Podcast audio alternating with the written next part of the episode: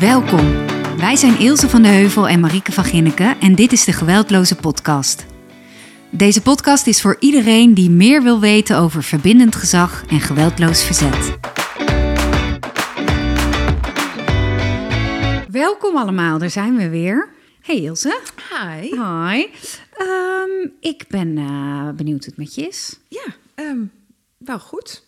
Ja, aflevering nummer Oh, wauw, dit is echt meteen de strikvraag. vier. Vier. Aflevering vier. Ja, ja En we gaan zeker. het vandaag hebben over Eh, curlingouders. curlingouders. Wauw. Superleuk onderwerp. Ja, Het lijkt mij wel leuk. ja, mij ook. En we zijn het ook allemaal in meer en mindere mate. Ja, ik hoop in mindere mate, maar soms in meerdere mate. Ja, dat is wel zo, ja. Ja, hey, maar hoe is je week geweest? Ja, wel goed. Ik was in Duitsland. Oh god, ja. In Inderdaad. Osnabrück. En daar was ik met eh, heel erg veel Nederlandse trainers. Mhm. Ehm, en, en niet-trainers, gewoon Nederlands geïnteresseerden.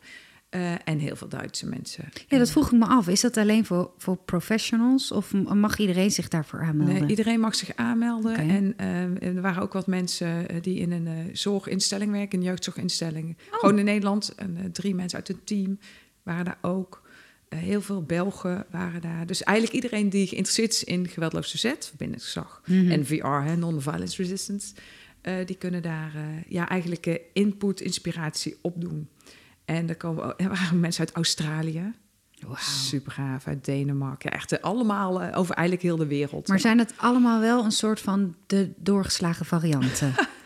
Zoals jij. Ja, zo was ik ook. Ja, zeker wel. En ehm, en iets minder doorslagen vast ook.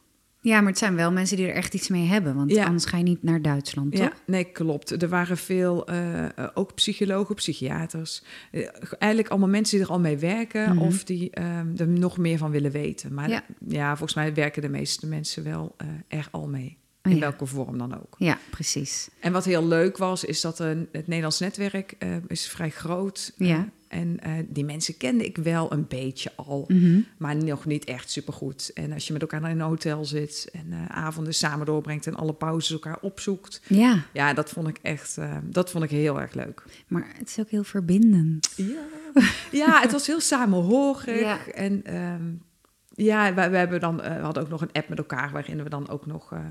eh, wat verbeterpuntjes zagen. Als Oh, we ja. het ooit misschien wel in Nederland gaan organiseren, hoe we dat dan ook nog kunnen doen.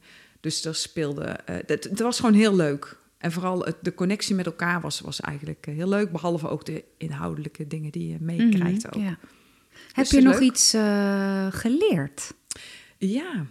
ja, of ik dat even wil samenvatten, dat gaat niet. Nee, nee, nee, maar is ja, er iets- zeker wel. Zeker wel. Hele interessante workshops gevolgd. ehm, van, ook van Nederlandse mensen. Uh, Marieke en Aert, die heel goede workshop. Eh, maar ook van Peter Jacob, een hele bekende Engelse ehm, therapeut, trainer ook. Ehm Uri Weinblad. Weinblad, ik weet niet of ik het goed uitspreek. Uit Israël, super inspirerende man. Die heel veel vertelde over hoe je nou om kan gaan met jongens die zichzelf terugtrekken. Hè, de jongens van nu. Oh ja, En eh oh, daar had hij- gameverslaafden Ja. ook en zo, ja. ja, ja, die jongens die eigenlijk eh, zichzelf een beetje opsluiten en eh, Mhm. eigenlijk het contact vermijden. Ja, En, ehm, ja. ja, die- eh, goede tips. Dus misschien moeten we daar ook nog eens een keer een aflevering over maken. Maar echt wel hele interessante informatie. Leuk. Ja. Leuk. hey, en hoe is het met jou? En hoe was Nou, jouw week? Ik had van de week een hele leuke training Mhm. gegeven. En ik was een beetje starstruck in die zin dat ik een training ging geven aan de psychiaters en de psychologen en gedragswetenschappers. Oh ja. En ik dan ineens toch eh, vijf minuutjes, de eerste vijf minuten dacht, oh, jeetje, deze Ja. mensen zijn heel geleerd en, eh, en weten vast heel veel. Maar het was echt eh super leuk. Starstruck ook. Ik kende dat woord, heb ik door jou leren kennen. Hè? Ja? Maar ik kende het woord niet. Nee? Maar heel veel mensen kennen het Oh. Of ik ben de enige Nederlander die het niet kent. Ja, starstruck even is uitleggen e- wat het is. Ja, dat je eh, onder de indruk kunt zijn van iemand door zijn of zijn status of zijn bekendheid, als het een ster echt is of zo. Mhm.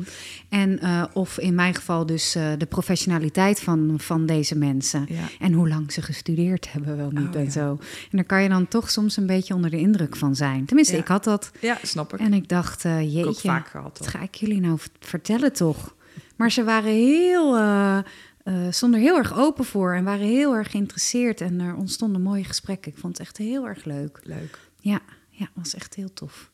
Eh, dus dat. Oh, Laten we gauw beginnen. Ja, ja curlingouders. Nou, ik ben me er even, eh, behalve dat we het in de training eh, eigenlijk altijd noemen en ook gebruiken en bekijken van waaruit doet iemand dat, ben, ben ik me een beetje verder in gaan verdiepen, omdat we ook deze aflevering gingen maken. En ehm, de, de naam curlingouders komt eigenlijk uit Denemarken. Dus dat had ik ook niet bedacht. Wauw. En het is een soort opvolging van de... ehm, Wat, hoe zeggen ze dat dan in Deens? Heb je ja, dat ook nee, opgezocht? sorry. Met toch gewoon Nederlands al. Dat weet ik niet. Dat weet ik niet. nee. En maar je hebt de achterbankgeneratie, je hebt de helikopterouder en de curlingouder. Hè? Dus het is allemaal een beetje een opvolging van elkaar. Oké, wacht, help me even. Ja, Achterbankouder. ja de achterbankgeneratie noemen ze het zelfs. Ja, dat zijn ehm, eh, kinderen die ehm, opgevoed zijn door ouders... ehm, waar, die eigenlijk overal letterlijk naartoe worden gebracht. Dus die niet hoeven te fietsen... eh, maar waarbij ook het leven wel behoorlijk gepland wordt van het kind. Vanuit natuurlijk altijd de beste intenties. Mhm. Maar dat, da- daar is eigenlijk de, ja, da- daar komt de achterbankgeneratie vandaan. Jeetje, ja, dat is wel een mooi gevonden woord ook. Ja, Van de, eh, van de hockeyles naar Ja. de vioolles, naar de Ja. eh, knutselclubje, naar het kinderfeestje, naar school. en allemaal lekker in de auto. Ja, oké. Ja, nou maak ik me er zelf ook wel schuldig aan hoor. Dat ik mijn kinderen naar school breng en naar de rugby breng en naar de... Ja. ja. Maar door, door het verdiepen, even in het stuk curlingouders, ze, Mhm. ze hebben het vaak over, eh, een beetje populaire term is nu natuurlijk de curlingouder. Eh, maar het gaat vooral over twee soorten. Twee soorten type ouders. En eh, je hebt de beschermende curlingouder. Mhm. En je hebt de, die beschermen, die willen het in het hier en nu veilig houden. Nou, daar gaan we het zo uitgebreid over hebben. En je hebt eh, de curlingouder die de toekomst voor het kind zo goed mogelijk wil, eh, ja, wil voorzien, zeg maar. Dus die gaat alles regelen eh, om het kind zo toekomstklaar mogelijk te maken. Dat is vast een rare zin. Maar dan gaat het echt over eh, bijles, eh, het hoogste niveau willen halen. Hmm. Om in de toekomst Ja, zo goed beste- mogelijke baan of ja. opleiding of Ja. gezin, huis. En dat, die zijn niet per se in het voorkomen van pijn, maar wel in het eh, voorzien van de Ja. beste toekomst. Dus Ja. dat is net een andere type curlingouder. Maar kunnen we, ze komen bij ons allebei voor. Ja. Eh, Hebben ze dan ook een combi ervan? Vast wel, ja. Je zal ze zeker ook nog in combinatie hebben. Dat is misschien de super curlingouder. Wauw. Maar die verzin ik zelf. is ook leuk. Ehm, nee, maar dus, dus dat is ehm, ja, wat, ik, wat ik wel eh, erover heb gelezen. Als je er wil, meer wil over weten, ja, ik zou zeggen, google het. En je krijgt Ja. allerlei artikelen en eh, Plaatjes. plaatjes ook. Ja, Ja. zeker. Curlingouders, ehm, is dat per se iets slechts? Of zullen we eerst beginnen met de definitie van waar, wat verstaan we eronder? Dat is misschien een betere. Ja, ja en het komt natuurlijk van de curlingsport. Mhm. Wat sinds een aantal jaren natuurlijk een Olympische sport is. En ehm, die curlingsport, dat, ik, ik, ik heb het nou een paar jaar geleden toevallig een keer op televisie gezien. Het ziet er zo raar uit. Ja, maar echt. Het is op een ijsbaan voor de mensen die het niet weten. Het is een soort zware, zware schijf die ze Ja. over de ijsbaan schuiven. Die moet naar een bepaalde stip of een bepaald doel dus. En er zijn mensen die lopen daar omheen en die maken dat ijs zo glad mogelijk. Om ervoor te zorgen dat die, die zo, ja, een soort schijf, soort ijshockeypuk, zeg maar. Het zal Ja. wel anders heten. Ja. Eh, zo goed mogelijk. De grootte van een, eh, van een automatische stofzuiger eh, Oh. die door je kamer... Ken, die, ken je die? eh, ja, ik heb ze wel eens gezien. Ik heb er geen, maar Nee, ik ik heb ook ze wel eens niet. gezien. Ja. Ja. En, maar dan wat dikker, hè? Ja, en die moet je over dat Het ijs acht. laten schuiven. En eh, nou, door dat helemaal glad te maken, gaat hij zo ver mogelijk. Ja. En, En, eh, dat vergelijken ze dan met ouders die eigenlijk de situatie zo glad mogelijk willen maken voor hun kind. Ja, Zo min mogelijk pijn, verdriet, ja, moeilijkheden op de weg van hun kind. ja. En daardoor eh, zoveel mogelijk doen. Dat is eigenlijk de vergelijking, hè? Ja, precies. En dat, daar komt het dus echt vandaan. Ja. En in ieder geval de naam curlingouders. En, en ik had een onderzoeker gehoord, Jan Derksen, die zei van... ja, waarschijnlijk hebben ze toen ze de term bedachten... helemaal niet zo ontzettend diep nagedacht over eh, wat er allemaal onder zit qua ehm, eh, onderzoek. Maar die term is wel heel beeldend. Ja, Ja. echt. Je stelt het je meteen, je kan het je meteen voor je Ja. zien, hè, wat er Ja. dan gebeurt. ja, absoluut. En, en de meeste ouders die, die dat doen, doen het natuurlijk echt omdat ze heel erg van hun kind houden. Ja. En eh, in de, deze generatie, hè, waarin wij natuurlijk ook onze kinderen opvoeden, zie je, eh, heb je veel meer invloed van social media. En eh, de buitenwereld is, is, is letterlijk binnen Mhm. op elk vlak. En heel veel ouders willen voldoen aan een bepaalde norm die we ja, onszelf opleggen en opgelegd krijgen mogelijk. Hè, dat je dat gevoel hebt. Ja. En doordat je dat zo goed wil doen, kan het dus zijn dat je meer gaat curlen dan dat je eigenlijk misschien diep van binnen wel wil. Kan je een voorbeeld noemen van curlen? Curlen. Curlen, ja, jeetje. Van mezelf Een of van iemand anders? Een heel simpel voorbeeld. Nou, een simpel voorbeeld, wat ook meteen, eh, wat, ik, wat ik een paar weken geleden hoorde. En eh, als je jezelf herkent, eh, dan weet je dat ik het verteld heb in de podcast. Ik mocht het wel gebruiken. Mhm. Dit voorbeeld, een hele leuke leidinggevende. En zij zei, eh, ja, ik denk dat ik curlingouder ben. En ik zei, nou, vertel. Zij heeft twee kinderen, een jongen en een meisje van 11 en 9 jaar. En deze kinderen zitten op basketbal. Nou, superleuk sport natuurlijk. En vanuit die vereniging wordt er gevraagd aan de kinderen om, om geld op te halen. Dus ze moesten volgens mij chips verkopen langs de deuren. Ja. Dus de kinderen krijgen allebei een lijstje mee. En eh, nou, de bedoeling is dat ze langs de deur gaan en chips gaan verkopen voor de vereniging. Ja. Nou, so far, so good. Maar wat deze ontzettende leuke, lieve moeder deed... ehm, zij heeft deze lijstjes meegenomen naar haar werk... en op de tafel bij de andere managers gelegd en gevraagd... Jullie willen, willen jullie allemaal even chips kopen voor mijn kinderen? Want eh, dan hoeven ze niet langs de deur. En verdeel het even over allebei de lijstjes... want dan hebben ze allebei evenveel chips verkocht. Ja, super lief. Ja. Bedoeld. Ja. En zij kijkt me aan en ze zegt: eh, Vind jij ook dat dit een curlingactie is? En eh, ik zei: Nou, wat vind je zelf? Oh ja? Toen zei ze: Ja, ik denk het wel. Ik zei: Ja, ik, zei, ik denk het ook. Ik Ja. zei: Maar het is interessanter om te vragen en te onderzoeken samen: waar komt dit nou vandaan? En, en wat, Mhm. wat wil je voorkomen of wat wil je ze leren? En toen zei ze, ja, wat ik ze mee... Ik zei, wat, wat, wat leer je ze hiermee? En toen zei ze, geen ene fuck, zei ze. ik zei, nou, ik zei, oké. Ik zei, nou, niet zo heel veel. Nou, ze leren ermee dat mama het wel oplost, toch? En dat mama heel lief is en dat Ja. mama wil, dat graag wil doen. Ja. En ehm, En dat ze niks hoeven doen voor geld. Ja, dat het vanzelf gaat. Even heel gechargeerd Ja. gezegd. Ja. En eh, ik zei, ja, wil je ze dat leren? Ze zei, nee, natuurlijk niet. En ze zei, uiteindelijk eh, kwamen we erachter dat ze het lastig vindt om eigenlijk te verdragen... dat als de een meer ophaalt dan de ander... Mhm. eh, dat ze het sneu vindt voor het kind wat minder ophaalt. ja. Dat ze dat eigenlijk wil voorkomen. Dus ze wil eigenlijk het verdriet van haar kind voorkomen... omdat ze dat zelf lastig vindt te verdragen. Ja, dat is het vaak. En daar Ja. zit echt de basis van een curlingouder. Vanuit goede bedoelingen, maar omdat het zo zielig is... Ja. Ja. hoe makkelijk is het om het zelf even op te lossen? Ja. Ja. En Het is heel is moeilijk om te verdragen dat je kind, bijvoorbeeld in dit geval, teleurgesteld is Ja. dat zijn broer of zus meer, Meer geld heeft. heeft opgehaald. ja, En, en, eh, en ik denk dat het 9 van de 10 keer gaat over verdragen van je eh, emoties van je kinderen, die eigenlijk resoneren met je eigen emoties en wellicht eh, verleden ehm, en opgroeien en opvoeding. absoluut. ja. ja, want als jij zelf vroeger eh, veel pijn hebt ervaren... Hè, of lastige dingen hebt Mhm. meegemaakt... dan ehm, kan het zijn dat je dat in het hier en nu eh, wil voorkomen voor je kinderen. ja. En logisch, hè? Ja, is, ik snap het heel Ja. goed. Ik snap het heel goed. En vanuit dat stuk is het dus nog ingewikkelder om, om het verdriet van je kind te verdragen. Ja. Omdat je het ook zo simpel op kan lossen. Ja. Zo simpel. En, ehm, en het, het nadeel voor kinderen is... ehm, het voordeel is natuurlijk dat het makkelijk is. Mhm. Het is een heel erg korte termijn oplossing. Ja. Dus in het hier en nu hoeven ze ook niet te huilen. Dat, dat, dat klopt zeker ook. Ja. En dat kan ook een hele goede reden zijn om het wel te doen op dat moment. Mhm. Eh, maar op lange termijn leren we ze ook niet om te gaan met frustraties. Nee. En Nee. eh, we leren ze niet hoe ze eigenlijk hun emoties kunnen reguleren. Want dat halen we weg door ze eigenlijk die emoties niet te laten ervaren. En, en dat wordt op latere termijn. dan Voer wordt het- voor psychologen en therapeuten. ja, ja de, Jan Derksen is psycholoog. En hij zei ook dat hij nu in zijn praktijk ook jongeren krijgt die Mhm. dan een baan hebben. hè, Jongvolwassenen, bijvoorbeeld 20, 2, 23 jaar. En eh, die hebben een baan en die krijgen een functioneringsgesprek. Ja. En tijdens het functioneringsgesprek hoor je natuurlijk fijne, leuke dingen, maar ook wel vaak aandachtspunten of hè, wat je nog wat te doen hebt. En eh, hij zei, daarna vallen ze vaak uit.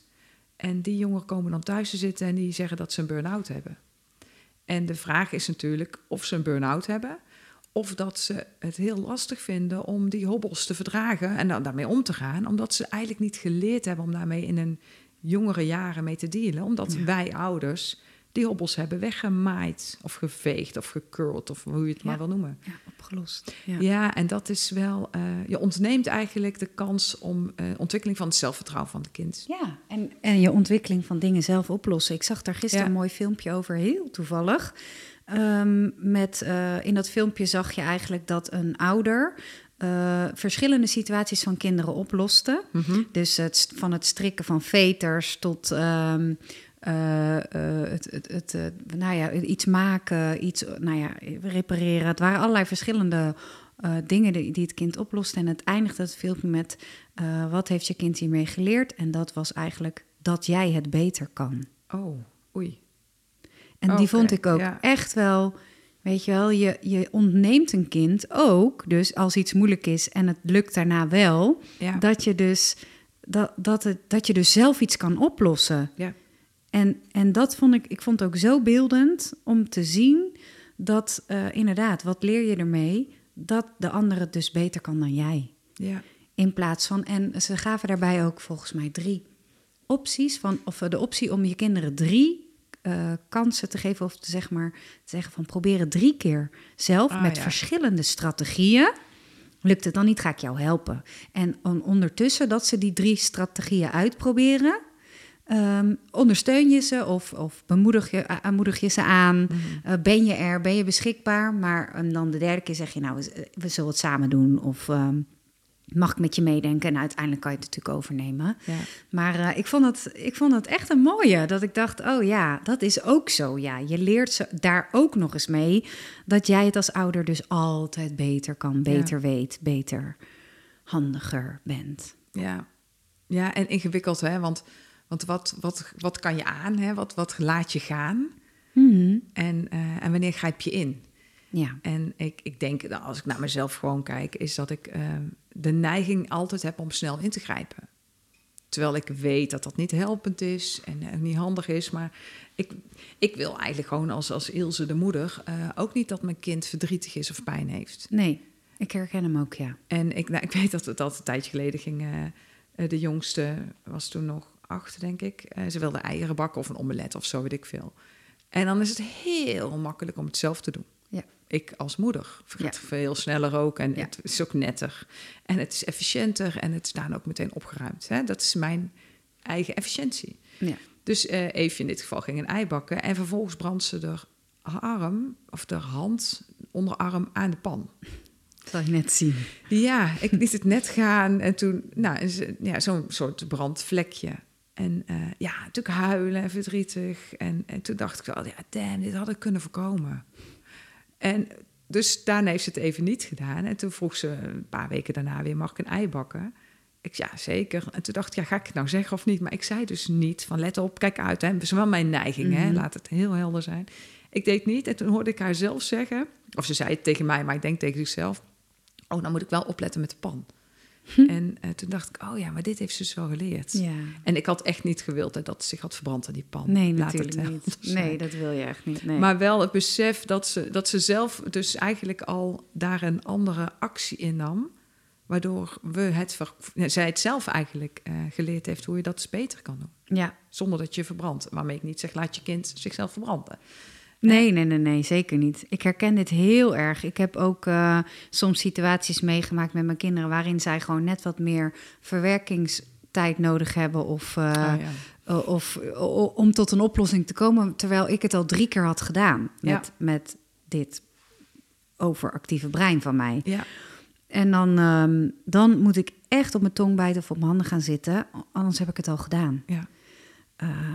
En daar een voorbeeld daarvan is eh, bijvoorbeeld ehm, het regelen van iets. Dus bijvoorbeeld eh, eh, ergens naartoe bellen of mailen. Ja, dat heb ik echt zo Oh, gedaan. Ja, Terwijl ja. je het echt los moet laten, dat je kind daar weerstand tegen voelt, het spannend vindt, eh, niet weet wat het moet typen of schrijven of zeggen aan de telefoon of zo. En, en daar dan dus tijd voor nodig heeft om het wel aan te gaan. Ja. En dat ik dan dus een ondersteunende moeder moet zijn in plaats van het over te nemen en het al hebben gedaan. Ja. En soms vragen ze zelfs ook: kan je even naar mijn mentor dit sturen? Of kan je Mhm. even, eh, zeg jij dan eventjes? Ja, dan heb ik het al bijna gedaan. Dan moet ik echt letterlijk achter mijn oren krabben om te denken: oh nee, nee, nee, nee, nee, nee. Ja. Ehm, en, en dan dus ook bij, bij pubers het verdragen dat ze daar dan weer iets van vinden, een mening over hebben. Als je zegt nee, dat, dat mag je zelf doen. En dan de argumentatie die daaraan vasthangt, waarom het niet kan, waarom ze dat zelf niet kunnen, waarom jij dat moet doen, die in hun ogen heel plausibel is. Ja, ja, zeker. zijn. Maar en dat je daar dan weer dat moet weer moet verdragen om te zeggen nee. Of gewoon de kracht van de stilte in moet zetten. Om Mhm. gewoon even niet te reageren. Ja. Zodat ze het dan zelf kunnen doen. Ja, ja het is ingewikkeld. Ik was, ehm, het, het was even, even nadenken, zeven denk ik. Mhm. Dus een stukje jonger dan nu. En ik ging haar ophalen op school. En eh, ik sta op het schoolplein en eh, zij komt aangelopen. En dan weet je precies, oké, ze gaat nu huilen als ze dichtbij is. Oh, dat is zo'n ja. bekkie dat je, dat je er al aan ziet komen. Dus zij even begon te huilen inderdaad, hoe dichterbij ze kwam. Haar lievelings scrunchie was kwijt. Zo'n zo'n. Wat je in je haar kan Ja, doen. noem, vroeger, vroeger, heette dat een... vroezel. En nu heet het een scrunchie. Nou, dat ding was weg. En, eh, en dit heb ik ook in de training wel eens verteld. Hè, van waar je zelf dus in je eigen dilemma komt. En, en zij staat voor mij nou heel, heel, heel verdrietig en huilen. En, en dat ze ding was kwijtgeraakt. En ze zei eigenlijk meteen in dezelfde huil, huilende zin... "Maar Mama, zullen we dan een nieuwe kopen? 1 euro bij het kruidvat. Nou, wetende dat wij om de hoek bij het kruidvat wonen...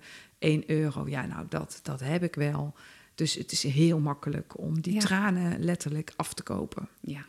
Eh, op dat moment was ik heel relaxed. Ik had tijd. Ik had de ruimte. Ik was, ik was Chill. Ja. relaxed. Geen afspraken, En, geen eh, to-do-lijstjes. Ik dacht heel snel, ga ik het wel of niet doen? Ik denk, nee, dit ga ik niet doen.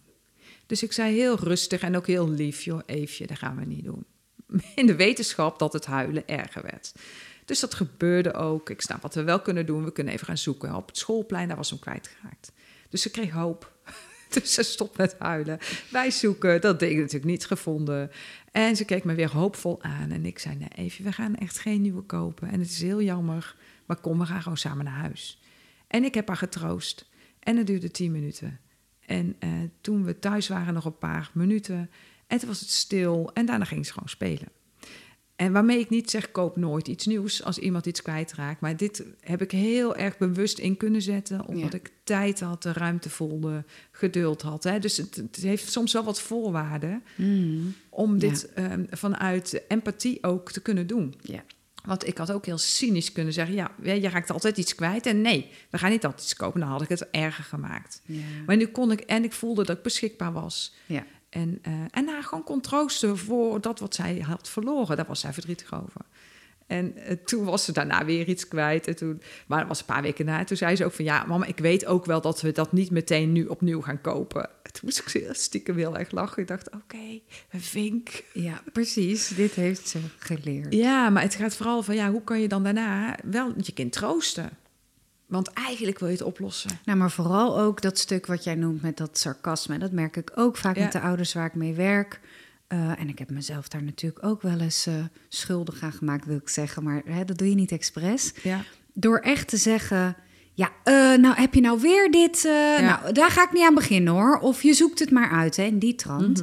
Ook vanuit moe zijn. Ja. Moe zijn, eh, letterlijk en figuurlijk. Bijvoorbeeld van een werkdag. Maar ook gewoon moe zijn van de discussies met je kinderen. Ja. Of de, eh, het zeuren of het vragen. Of het, en, en vanuit daar dus dan een beetje cynisch of sarcastisch. Of jij ook... Oh ja, het zal jij wel niet weer Oh ja. zijn. ja. Dus eh, wat jij daar zegt is wel heel belangrijk, denk ik. Dat je dus echt kan zeggen... Ik vind het echt super vervelend dat je bij het gevoel stil kan staan. Ja. Dat je dat kan ondertitelen. En verder eigenlijk niets hoeft te doen. Alleen maar te zeggen... Jeetje, nou dat is ook echt... Je bent ook echt super verdrietig. Dat snap ik. Ja. Oprecht. Want die crunchy, squishy... Nee, oh, squishy is weer wat anders. Scrunchy. Scrunchy, vroezel... Is ook mega belangrijk voor jou. Ja. ja, en je hoeft het niet op te lossen. Nee. En ik denk als, als alle ouders en alle andere opvoeders eh, dat meer dat voelen, dan weet je, oh, oké, ik hoef het niet op te lossen, maar ik kan mijn kind wel gewoon troosten. Ja. En dat is wat je wel kan doen. Ja. En het is ook heel tijd zoeken naar wat is dan de behoefte van het kind en, en waar kan je tegemoet komen en wanneer is het slimmer om dat niet te doen. Ja. En ja, het is, het is, ja ik vind het ingewikkeld. ehm, Dat is het ook. Soms is het ook eh, beter om even beter, ja, niet beter en slechter, maar om het over te nemen, Ja. omdat er op dat moment gewoon dat een goede keuze Ja. is. ja, en dan is het ook heel goed dat je het wel hebt gedaan. Ja. En, Ja. en in het moment eh, maak je die keus en daarna kan je alleen maar terugdenken en denken, ja, was dit nou de slimste keus? Ja. En zo ja, nou, mooi gedaan. En, En zo wat nee. heb ik mijn kindje ermee kunnen leren? Ja, Ja. ja, Maar ik vind het wel een interessante en dat is wel leuk voor onze luisteraars om zelf eens te onderzoeken. eh, welke emoties van ons kind vinden we eh, ingewikkeld zelf? Ja. Welke vooral? Bijvoorbeeld, ik kan best wel goed met boos eigenlijk. Oh ja. Eh, ik kan best wel goed met als kinderen, zowel op mijn werk als thuis, boos zijn. Daar word ik niet zo heel snel door uit balans geduwd. Oh, oké. Nee, nee. Wel eh, verdriet Oh, of, ehm, of als mijn kind bu- buitengesloten wordt. Oh ja. En, want die, dat gevoel herken ik van mijn jeugd. Ja. En die vind ik, vond ik vroeger heel ingewikkeld en verdrietig. Ja. En ik vind het nu ingewikkeld en verdrietig bij mijn eigen kinderen. ja, en dat wil je voorkomen. Dat wil je dat voorkomen. ze datzelfde verdriet ja. voelen als wat jij ooit gehad hebt. Ja, of heel snel oplossen. Dus op het moment dat ik herken inderdaad dat eh, mijn kind eh, eh, ergens niet mee mocht doen vroeger, Mhm. op de basisschool een keer niet mee mocht doen, dan is mijn geneigdheid om direct naar school te gaan of naar die andere ouder En of naar dat kind. Ja. Waarom mag mijn kind niet meedoen? Waarom eh, regelen jullie Ja. dit niet? Ja. Terwijl het eigenlijk meer zegt over mijzelf en mijn kindpijn in dit geval. Ja. En het enige wat ik hoef te doen, heel simpel. eh, maar dat is dus heel ingewikkeld. En dat is wel leuk om als luisteraar misschien met jezelf eens te onderzoeken. Ja, het enige wat ik hoef te doen is te zeggen: Jeetje, schatje, wat vervelend dat je niet mee mocht doen. Punt. Ja, ademen. Mag ik je een knuffel geven? Ja. Ademen. Ja, En eh, heb, wil, wil je wat te drinken? ja. En ik hoef het niet op te lossen. En mijn geneigdheid is dan, nou, dan gaan wij samen iets gezelligs doen. Oh, of hè, die, die, ja, die- ja, ja. Dan ook nog compenseren door nog iets leukers er tegenover Ja. te zetten. Of weet je wat? Dan gaan we naar de winkel en mag jij cakejes bakken. Ja, Die, die hoor ik ook heel veel van andere ouders en die herken ik ook bij mezelf vroeger. ja, Met mijn kinderen, dat ik dacht van, oh ja, dan ga ik dan, weet je wat? Dan ga ik wel iets met jou doen. ja. Ja. ja. Ja, die is, wel, die, Ja. is, die is heel herkenbaar, denk ik. Maar het is dus interessant. En welke van de emoties van je kind vind je dus ingewikkelder dan een andere? Ja. Ja, en welke wil je dus daarom nog meer en sneller oplossen? Of probeer te voorkomen dat ze Ja. niet diezelfde pijn voelen. Ja. En wat, Ja. want dit is eigenlijk een beetje dat korte termijn curlingouder. Ja. En eh, wat voor voorbeelden zijn het? We hadden het net al eventjes aangehaald. Voor de lange termijn curlingouder gaat meer over de toekomst. Hè? Dus dat het een gelukkige volwassene wordt. Ja, nou niet per se gelukkig. Ja, ook wel gelukkig. Maar Gelukt. vooral succesvol. Gelukt. Gelukt. Ja. Ja.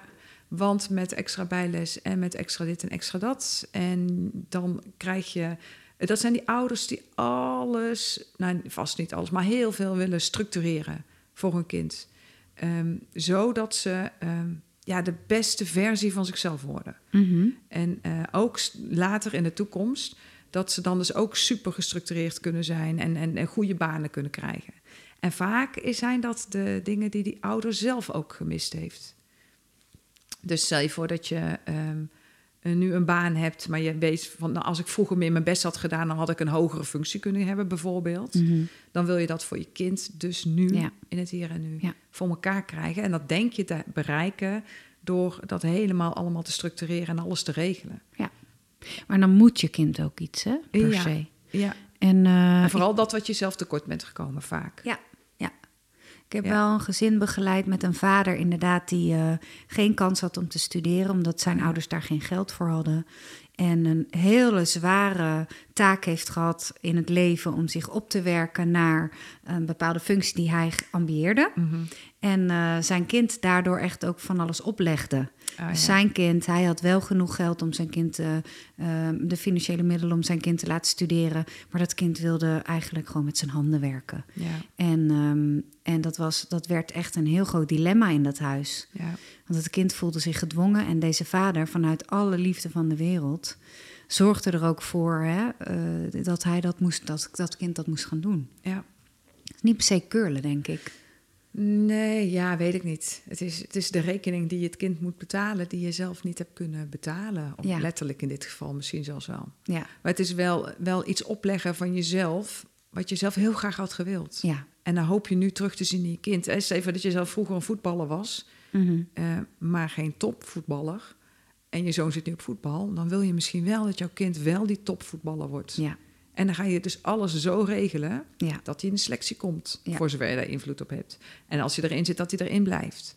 En dat zijn ook echt curlingouders. Alleen dan meer op toekomstgerichte curlingouders. Mhm, ja. En ehm, Of die kamer eh, regelen in Amsterdam, zodat je kind Ja. daar kan studeren. eh, of via je netwerk eh, zorgen dat je kind bij een bepaalde opleiding Ja. of, eh, of, of club kan komen of dat soort dingen. Hè? Ja. Daar hebben we het dan over. ja, ja, en die zijn... ehm, ja, die, ik denk dat die ouders heel hard werken voor hun Mhm. kinderen. Ja.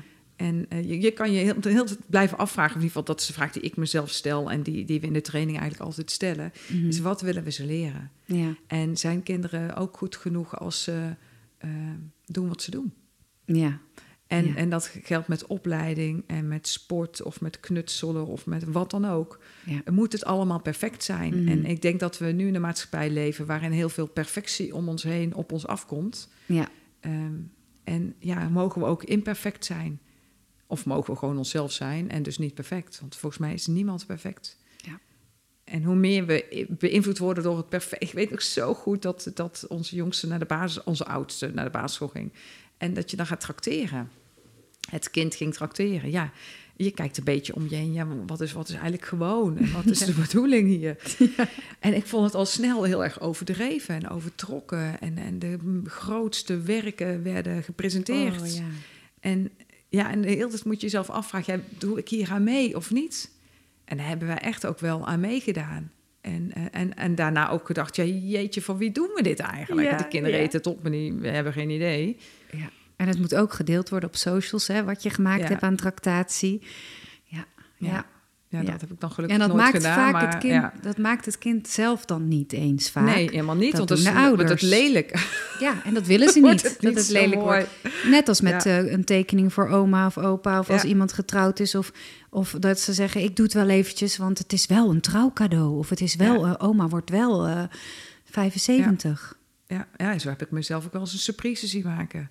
Ja. Dat vind ik wel echt curling. Ja. Nou, daar heb ik mezelf echt wel op betrapt. Dat, dat onze oudste, die, eh, nou, echt geen knutselaar. Mhm. Echt nul. ja.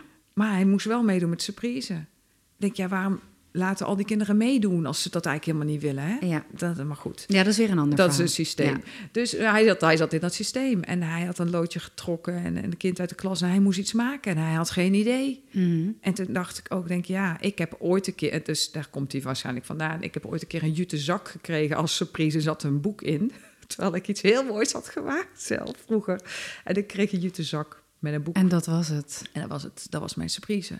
En dat vond ik zo erg toen, Mhm. dat ik ook niet wil dat mijn zoon een jute zak bij wijze van spreken geeft met een boek erin. Mhm. Dus ik wil die pijn voorkomen voor dat andere kind die ik zelf heb ervaren. Oh, Ja. dat is echt keurlijk. Ja, dat is echt curling. Ah, fantastisch. Dus toen ging jij lekker aan de slag Ja, met je Dus ik knutselspullen. heb, ik heb, hij heeft hele mooie surprises gemaakt. Mhm. ja, ik Ja, was het eigenlijk. Die kan ik wel heel goed loslaten. Ja, ik nu ook, maar toen echt niet. Nee. Echt niet. Maar dat geeft ook dus weer te maken met jou vroeger. Van vroeger. Ja, want ik wil voorkomen dat die ander eh, een Ja. jute zak krijgt. Ja. Ja, dat vind ik toch zielig. Voor Oh, jezelf. man, voor mezelf, ja. Oh. Ja, dat is echt curling inderdaad. Misschien moet ik surprise nog maken voor het kind in mezelf. Ja, Om het te helen. Nou, dat is eigenlijk wel goed. Ja. Of een meditatie doen waarin je je innerlijke kind omarmt. Ja, wauw. Oké. hey, maar hebben we Ja. tips voor, ehm, voor curlingouders? Nou, zeker wel. Ik, eh, omdat ik hier even onderzoek naar gedaan heb, heb ik tips. En die heb ik gehaald van de website oudersvannu.nl. Oh. Super grappig. Dus die zeggen, wil je geen curlingouder meer zijn? Stop dan met... Oh, leuk. Dus Kom maar door. stop met nummer 1. In een restaurant voor je kind het eten bestellen. Dus je zit, je zit aan tafel met je gezin. Hij wil graag friet met appelmoes. Juist. Hij Oh, kan ja. het tegen jou zeggen, dus dat kan hij ook tegen, Tegen de ober zeggen. zeggen. Ja, Dus het kind heeft een stem en laat hem daar Mooi. gebruik van maken. Ja, vond ik zo'n simpele ja tip. helemaal goede tip. Ik denk, oh, ik doe het ook. Dus daar ga ik ook mee ik niet. stoppen. Ik doe het niet. Nee, Nee. Oh, ik wel volgens mij. Ik zeg altijd, eh Otis, wat wil jij bestellen? En dan geef ik een handgebaar zo richting Oh, de ja, ober. Goed. En dan, eh, maar mijn kinderen doen dat al eigenlijk uit zichzelf Oh. makkelijker. Ik heb niet zulke Ja. verlegen kinderen. Oh ja, ik weet het niet. Ik denk dat ik al het voorkom dat het te lang duurt. Het is mijn eigen ongeduld waarschijnlijk. Mhm. Waardoor ik eh, dat al bestel. Oké, ik is een tip voor mezelf dus. Oké, tip Ik ben dan wel zo'n eh, mutserige moeder die dan zegt... kijk de meneer even aan als je tegen hem praat. Oké, dat is een ander onderwerp. Is gewoon af te dwingen. Maar dat maakt niet uit. Nee, Oké, tip Tip 2 is het oplossen van ruzies met andere kinderen. Grijp niet meteen in, want het kan verrassend zijn hoe ze het zelf oplossen. herkenbaar. Ja, herken ik ook. Herken ik ook de discussies die ze bij ons thuis. Bij ons maakt het niet echt een ruzie, maar dat kan komen door het grote leeftijdsverschil van vijf en een half jaar. Mhm. Maar ze kon, hebben wel tijden dat ze echt discussies hadden. En, en ik vond het dan, eh, wat vond ik daarvan? Ik dacht dan dat waarschijnlijk dat het niet goed afliep of zo. En ik Mhm. stopte het dan. En op het moment dat Wat was je angst dan? Ja, goeie. Eh, waarschijnlijk dat eh, ik denk dat Eefje dan zou gaan huilen. En huilen, dat zou ik dan weer lastig kunnen verdragen als ik dan zelf wat ongeduldig ben. Ja. Dus ik denk dat ik dat dan wil Ze werden niet fysiek nou Nee, absoluut niet. Oh, bij mij wel. Oh. Het is misschien heel goed om wel in te grijpen. Nee, maar ook dan kan je dus... nee, klopt. Als je, dan dan kan je echt wel inschatten of ze elkaar doodmaken of niet. En meestal doen ze dat niet. Nou, meestal niet gelukkig. Nee. Nee. nee. Tip 3. Achter je kind aan in de speeltuin lopen. Ja, die zie ik vaak gebeuren. Ach man, eindeloos. Ja, daar hebben wij vroeger ook nog wel eens discussies over gehad. Toen ik en de andere moeder in de speeltuin zaten met, eh, met onze oudste. Die was toen een jaar of drie, denk ik, of twee. Mhm. En die ging toen zo'n glijbaan opklimmen. Ja. En zij vond de spijltjes van de trap gevaarlijk. En Ja. liep dus echt mee. En ik riep haar terug. Maar zij had zoiets van, nee, dit is gevaarlijk. Ja. Ik denk, ja, alles wat hij zelf kan, laat hem lekker doen. Ehm, maar dit is wel... eh, en ik heb hem ook al echt op dingen geteeld en zo. Dat een vriendin van mij een keer, dat we samen in de dierentuin waren, zeiden... eh, Ilse, mag ik een vraag stellen? Zeg ik, ja. Eh, wat maakt dat jij eh Imre heel de tijd overal optilt? En toen dacht ik, ja, omdat hij dat niet kan. En, en daarna dacht ik, oh, ik Hmm. weet helemaal niet of hij het echt niet kan... want ik laat het hem ook niet proberen. Ja, Dus mooi, daar ben ik toen wel mee Nou, min, ik heb het minder gedaan. Niet mee gestopt, denk ik. Wel minder gedaan. Leuk. Oké, eh, punt 4, tip 4. De woordvoerder voor je kind zijn. Dus in dit geval bijvoorbeeld tegen de leraar zeggen dat hij iets niet fijn vindt. Of Ja. iets oplossen, terwijl ze dat mogelijk ook zelf kunnen. Gebeurt heel veel, ook in de hulpverlening, bij de Ja. intake van een, eh, van een jongere. Als ik, ik werk veel met, met pubers en jongeren eh, die dan met hun ouder voor, op intake komen voor eh, iets, therapie of ondersteuning. En dan gaat de ouder vertellen aan, aan ons of aan iemand wat er, waar het kind last van heeft. Ja. Maar ook heel simpel bij de huisarts. Ja. Laat je kind, hoe klein ook, zelf praten. Ja. En, en goede huisartsen, of goede huisartsen, dat valt me dan ineens op... Die, die zeggen zelf ook tegen het kind, hoe klein ook, vertel eens. ja. Wat kan Ja, ik voor je doen? Ja, supergoed. En als het dan lukt als ouder om je mond te houden... Ja. en gewoon eens alleen te ondertitelen als het misschien niet helemaal duidelijk is... Ja. Of, eh, of nog een vraag te stellen aan je kind om zichzelf te verduidelijken. Ja, dat is ook een mooie tip inderdaad. ja, de woordvoerder. Laat je kind zelf vertellen, Ja. alsjeblieft. Ja. Ja, is ook een tip voor mezelf. Ehm, tip 5 is ook een tipje voor mezelf nog wel, maar we doen het al minder. Aparte maaltijd koken. Oh ja, die doe ik ook. Ja, ik ook. Nee, ik kook niet zo vaak, maar dat doen we wel. Ja. En maar vooral ook, nou ja, gewoon, dat doen we. Ja, Moeten we niet meer doen. We stoppen ermee. Sorry, kinderen. Ehm, nou, dat is eigenlijk vooral nog voor de jongste. Die ja dat, dat we aparte maaltijden koken, dat... ehm, Ja, je wil gewoon dat er eten in ja, gaat. ja. En, ze gaan, en het, leuke is, of het interessante is, dat je weet dat wat kinderen nodig hebben van Mhm. eten, ja, die gaan niet dood hè, als ze Nee. een keer niet eten. nee, nee, nee. Ik heb een Ja. hele lieve schoonmoeder. En eh, echt een hele lieve schoonmoeder. En die deed dat vroeger keer drie. Die heeft drie kinderen. Mhm. Eh, mijn partner en nog twee zussen. En die eh, zette soms drie verschillende gerechten op tafel Ah, echt? voor haar man en, en een paar van de kinderen. Oh. Ja, en echt gewoon allerlei pannen op tafel om iedereen, echt uit liefde, om iedereen te eten te geven wat ze lusten, zodat ze in ieder geval eten kregen. Ja. ja, dat is zo'n basisbehoefte En, van eh, ouders, hè? Ja, Ja. als er maar wat ingaat. Ik ken ook ouders waar ik mee werk, die echt die kinderen soms echt vier, vijf keer in de week friet met frikandellen eten, want ze, ze moeten toch wat eten. Ja. Wauw. Ja. En, en, en, ik, ben besef, ik besef het goed hoor, want je ontneemt ze eigenlijk de kans om eh, andere dingen te proeven. Mhm. En het is het verdragen als ze dus niet eten of maar één hapje nemen. Ja. En, en- maar er zit een soort, soort grondbehoefte dat je wil dat je kinderen eet. ja. Ja, maar ingewikkeld. Oké, slaan we over. Niet gewoon lekker blijven koken, mensen. Vooral, vooral zelf weten wat je doet met deze Ja. tips. Hè? Ja, voor de ene is het passend, voor de andere niet. Maar ze zijn wel echt leuk. Ja. Heb je er nog meer? Ja, ik heb er nog, eh, nog vier. Eh er in totaal negen. De tip zes is controleren of hij alles bij zich heeft in zijn tas. Oh ja. Ja, ja. en ja, als hij ja. dat niet heeft, gaat er dan niet Nabrengen. achteraan met brood. dat heb ik Oh, één keer wel gedaan. Ja. Ik ook één ja, keer. schuldig. Ja. Nou, vooral, ik vind dat een bepaalde leeftijd ook, hè, een bepaalde Ja, ontwikkeling alles, van, Ja. van zelfstandigheid. Maar ik heb ook laatst, volgens mij nog een keer, nog niet zo lang geleden, mijn, mijn zoon is 13. eh, en dat hij ehm, eh, zijn gymspullen was vergeten. Oh, Mam, kan je die nog brengen? Eh, heb ik gedaan. Oh ja. Ah, en, dan. Ah. oh, ja, en dan als excuus aan mezelf, hè. Tuurlijk, ik moet toch in. Tilburg zijn. Oh ja, wauw. Want ik, werk, ik moet daar werken, dus dan kan ik net zo goed even Ja. langs school rijden. Ja.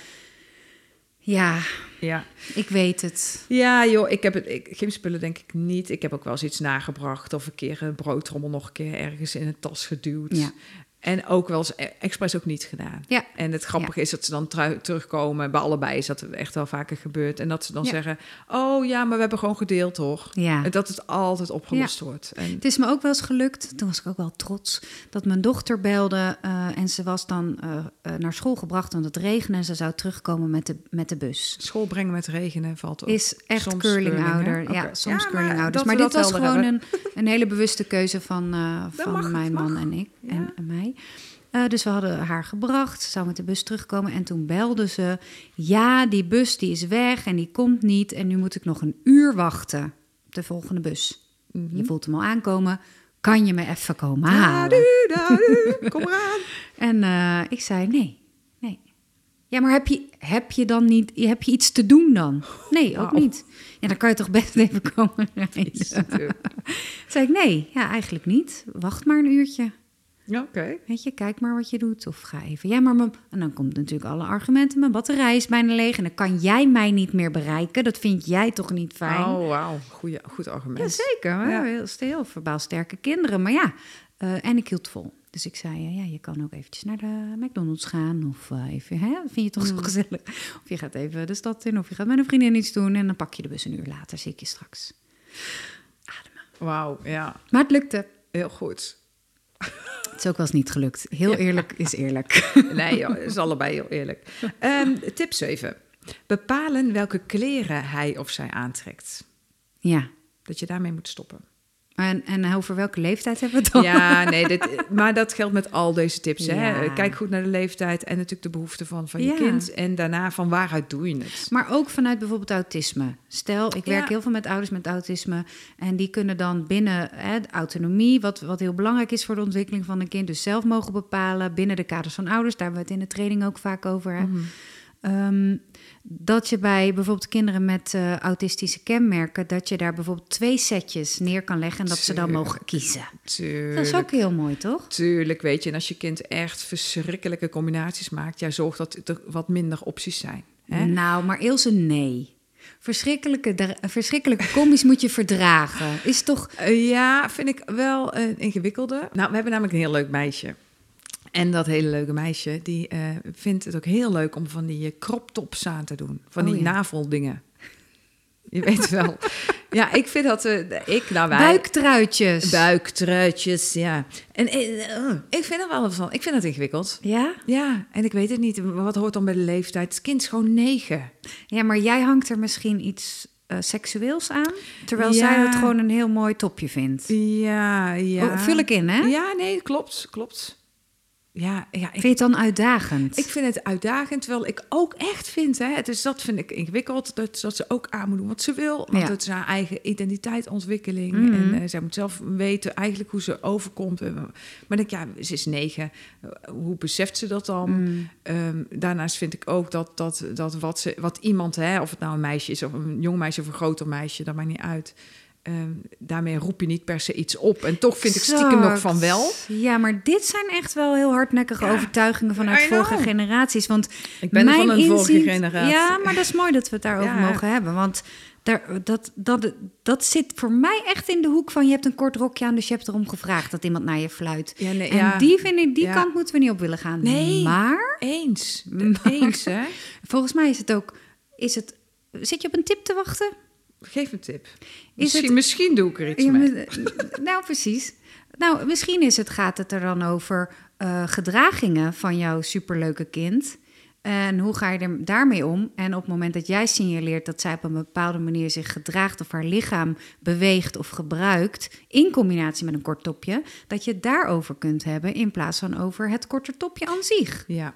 ja, nee, uiteraard. Ik ben in de zomer met haar een paar dagen naar Amsterdam geweest. En het was Ja. heel leuk. En, en toen, maar omdat we met haar gewoon het hebben over kleren. Wij kunnen met haar heel goed over dat soort dingen praten. En toen vroeg ik aan haar van... joh, als, je nou, als we in Amsterdam nou zijn... en als je nou iemand ziet waarvan je denkt... oh, dat vind ik een hele leuke stijl.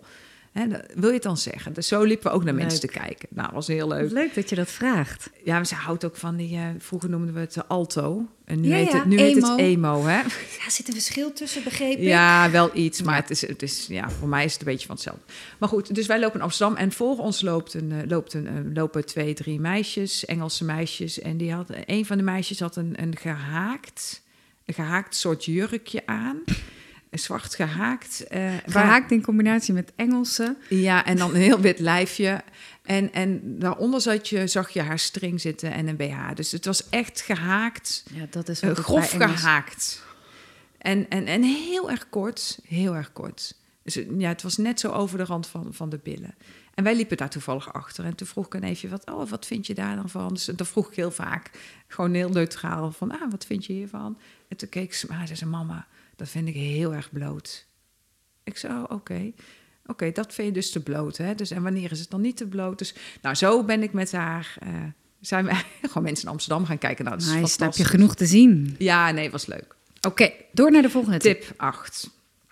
Piekeren over wat hij eet of doet als hij niet thuis is. Of zij, hè, uiteraard. Dus als je kind niet thuis is, dat je dan niet heel de tijd na moet gaan denken... oh, wat zou hij aan het doen zijn? Heeft u wel genoeg gegeten? Ja, zit hij niet bij de McDonald's? Ja, oh. ja, ja, die herken ik Dat wel. is- Ik heb een dochter eh, die eh, s ochtends eh, niet eet. En dat is niet omdat ze geen honger heeft of geen zin heeft. Of, maar de tijd heeft ze niet, maakt ze Oh, niet. ja. Want eh, de rest van de voorbereidingen van haar en make-up en kleding... en überhaupt opstaan, eh, wekker, nog een keer snoezen... is belangrijker of heeft meer prioriteit dan voedsel naar binnen Ja. duwen.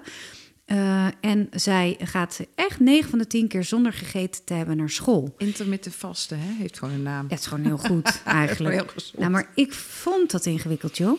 Ja. Ehm, eh, en dat eh, eh, loslaten van ehm, blijven roepen en kom je nou ontbijten en 's ochtends zelfs tosties gaan maken om maar gewoon hopen dat je kind iets Mm. Ja. eet voordat het gaat. Dat was echt wel curling. Ja, daar was ik echt wel aan het curlen. En, en, op en een gegeven moment... hè? Ja, natuurlijk. Want Maar ik dacht, eh, kan niet ja. nadenken als ze niet eet. Of, Ja. En dan zei ik op een gegeven moment, dan neem dan in ieder geval een glas water. Want vocht is belangrijk. of een vitamинepil of zo, weet je wel. Ja. Maar op een gegeven moment heb ik het losgelaten. En dan inderdaad kwam ze uit school en dan zei ik... wat heb je dan eigenlijk gegeten vandaag? Mhm. Ja, daar kwam soms niet meer uit dan een donut van de bakker... een hamburger van de Mac, eh, nog een worstenbroodje... en een frikandelbroodje als ik pech had. Of helemaal niks. Oh, eigenlijk, oh, ben ik vergeten. Ik, eh, Oh, Het is drie uur, ze komt uit school. Oh, ik heb eigenlijk nog... Oeh, dat was ademen hoor. Ja. Dat is echt ademen. En inmiddels denk ik, ja, ik, ik ben er straks ook niet meer bij. Hè. Dan moet ze ook zelf keuzes gaan Mhm. Ja. maken over wat ze eet. Dus ik bied het dan wel aan en ik zorg voor gezond avondeten. En, maar de dag moet ik echt loslaten. Ja, ingewikkeld hè. Ja. Laatste tip. De leraar dagelijks om een update vragen. ja, nou, Daar vallen ook de, de magisterouders onder, vind Ja. ik. Die te pas en te onpas kijken. Eh, de cijfers, afwezigheid, aanwezigheid, opmerkingen. Eh, denk je aan je huiswerk morgen? Dat is ook dit, toch? Ja, absoluut. En alles volgen. En eh, als ze thuiskomen al dingen weten over school, terwijl ze het zelf nog niet verteld hebben. Ja. En, en als je nou met curlingouders werkt, hè, of je bent zelf een curlingouder of een curlingleraar, die zijn er ook, hè, of Mhm. opvoeder, Mhm. ehm, dan is de tip, hè, ga niet zeggen dat ze het niet meer moeten doen. Ga niet tegen jezelf zeggen dat ik dit niet moet zijn. Maar als je met iemand kletst of als je beste vriendin, je denkt, oh, het is interessant, dit lijkt al een curlingmoeder of vader, Mhm. ehm, ga dan het gesprek aan en ben lief voor ze. Dit doen ze namelijk vanuit de beste intenties of vanuit iets wat die ander zelf heeft gemist vroeger. Ja. En vraag, stel een vraag. En bijvoorbeeld, joh, tot welke leeftijd zou je dit eh, willen blijven doen? ja. Want waar vind je eigenlijk dat ze dat dan moeten leren? Nou, dat soort vragen kunnen helpen. Weet je het ook een mooie vraag is? Nou, Om te vragen, eh, hoe zou je, wat zou je je kind gunnen over tien jaar? Hoe zie jij je Ja. kind? En wat moet hij daar nog voor leren? ja, En wat doe je nu allemaal voor je kind? Ja. En wat zou dan één stapje minder kunnen zijn? ja. Ja, en waar zou je als eerst mee kunnen stoppen? Ja, Ja, en, en- Mooi. Ja, en ben lief en steun ze. En probeer het een beetje op te en ook een beetje te relativeren. Lach ook een beetje Ja. om jezelf en elkaar. Van, oh ja, dat, daar, daar was ik weer. Daar deed ik het weer. Ja, Mooi. dat lijkt mij heel goed. Vooral erom blijven lachen. Bedankt Ilse. Nou, jij ook. Het was eh. weer een mooie, denk ik. Of heb je nog iets te zeggen? Eh, nee. Nee. Nou, vast wel, maar niet eh, Ja, relevant. heel veel te zeggen, maar niet per se Niet nu. relevant voor nu. Nee. Mocht er, was er eigenlijk nog een luisteraarsvraag? Die behandelen we de volgende week. keer. Ja, die behandelen we de volgende keer. Mocht je nou een vraag voor ons hebben, een opmerking, een opvoeddilemma, laat het ons dan weten. Dat vinden we leuk. We vinden sowieso leuk om, eh, om te horen wat jullie van de podcast vinden ook. Eh, mochten jullie eh, ons willen raten, dan kan dat natuurlijk ook. Je kan sterren geven aan deze podcast. Laat vooral weten dat je het leuk vindt. Deel het met vrienden, kennissen, collega's. Eh, daarmee help je ons ook weer eh, verder met de podcast. Vinden we leuk.